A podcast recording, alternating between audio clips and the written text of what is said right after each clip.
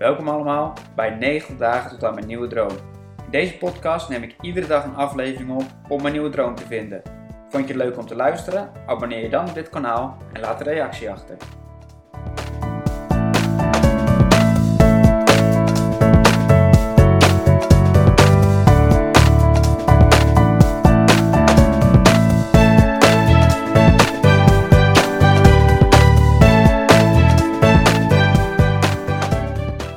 Hallo allemaal en welkom bij deze nieuwe podcast. Eh, vandaag was zondag. Ik heb eh, veel nagedacht over mijn nieuwe droom. Ook verschillende ideeën eh, naar boven gekomen. Het eerste idee wat ik had is om een kwalitatief goed sportaanbod voor iedereen toegankelijk te maken. Ehm, ik merk nu ook gewoon soms dat personal training voor sommige mensen niet te betalen is.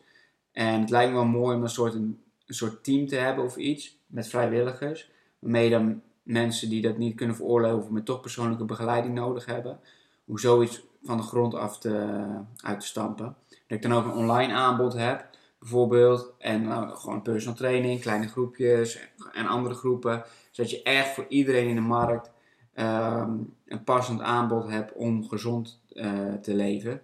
Ehm, nou, dat, dus daar, daar was ik wel enthousiast over en dat ga ik gewoon verder uitdenken en kijken of dat eh, realistisch is. Uh, verder uh, leek het me ook heel vet dat ik me ga ontwikkelen naar een super, super, super goede coach voor bijvoorbeeld mensen die overgewicht hebben en willen afvallen. En die hebben dan bijvoorbeeld van alles geprobeerd en dat ze als laatste nog hebben van nou, oké, ik weet het echt niet meer. Het laatste wat ik nog kan doen is naar Robin gaan. Maar ja, daar realiseer me wel voor dat ik gewoon echt me nog heel erg moet ontwikkelen. Um, het lijkt me wel heel interessant om alle dingen te leren van hey, hoe ga je om met deze weerstand? Wat doe je als er dit gebeurt?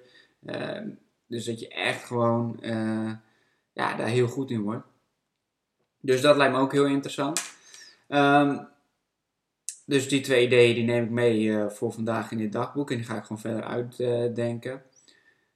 verder heb ik, ben ik aan het experimenteren met verschillende video's. Zoals jullie misschien wel zien als je me volgt op social media. Um, vandaag een video opgenomen over voeding. Die heb ik ook met trainingen gedaan zaterdag. Dus dan uh, neem ik die voedingsproducten mee. En dan uh, doe ik een klein quizje. En dan laat ik ze voelen eigenlijk wat, uh, wat, wat, hoeveel je ervoor moet doen om bepaalde, voedings, bepaalde producten te verbranden. En dat is gewoon krankzinnig. Kijk, en dat, dat zie je gewoon, uh, dat, dat, dat, zie, ik ook heel vaak, dat mensen door de week heel gezond eten. Dus 200, 300 calorieën onder je, onder je, onder je balans, laat maar zeggen. Dus daar, val je mee af. En in het weekend 500 per dag erbij. Ja, dan val je niet af uiteindelijk, nee. En dat is, uh, dat is, gewoon, uh, dat is gewoon balen. Um, en het grappige daarmee is, ook, daar heb ik dan ook vaak gesprekken over...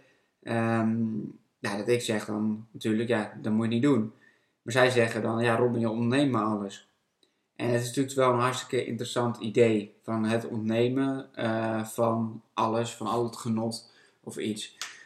En ik denk ook dat een heel belangrijk aspect daarin is uh, het, het, het, uh, het, het mentale effect ook wat bepaalde producten geven. Dus het gevoel wat het je geeft. De, de, de emotie die we eraan vastgeplakt hebben, beter gezegd.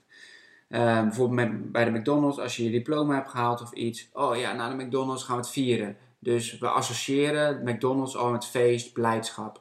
Um, met snoepje, van oh, je hebt iets goed gedaan. Ik doe het zelf met mijn hond ook. Goed geluisterd, hier, heb je snoepje. Uh, dus we leren ook gewoon van, hey, ja, een snoepje geeft blijdschap, dat is voldoening, dat is... Uh, uh, beloning. En ja, dat komt er nog, dat komt dus later in je leven, heb je nog steeds die emoties daaraan vastgeplakt. Dus als je snoepje neemt, dan denk je steeds van, ah ja, leuk, blij.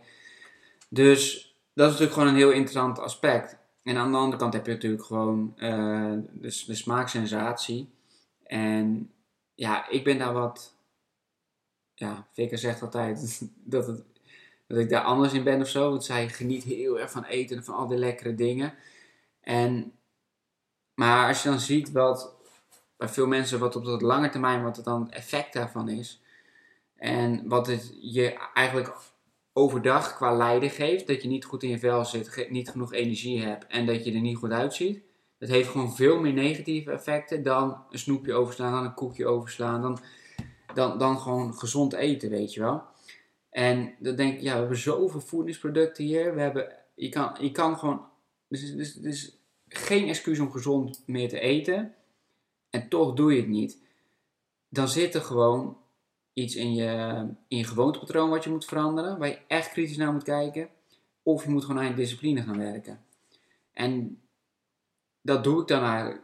Dat, zie ik ook al vaak in het trainingstraject. dat ik eigenlijk gewoon mensen discipline aan het bijbrengen ben. Om de dingen te doen die ze uiteindelijk zelf willen doen. Het resultaat wat ze willen hebben. Ongeacht hoe ze zich op dat moment voelen of waar ze op dat moment zin in hebben.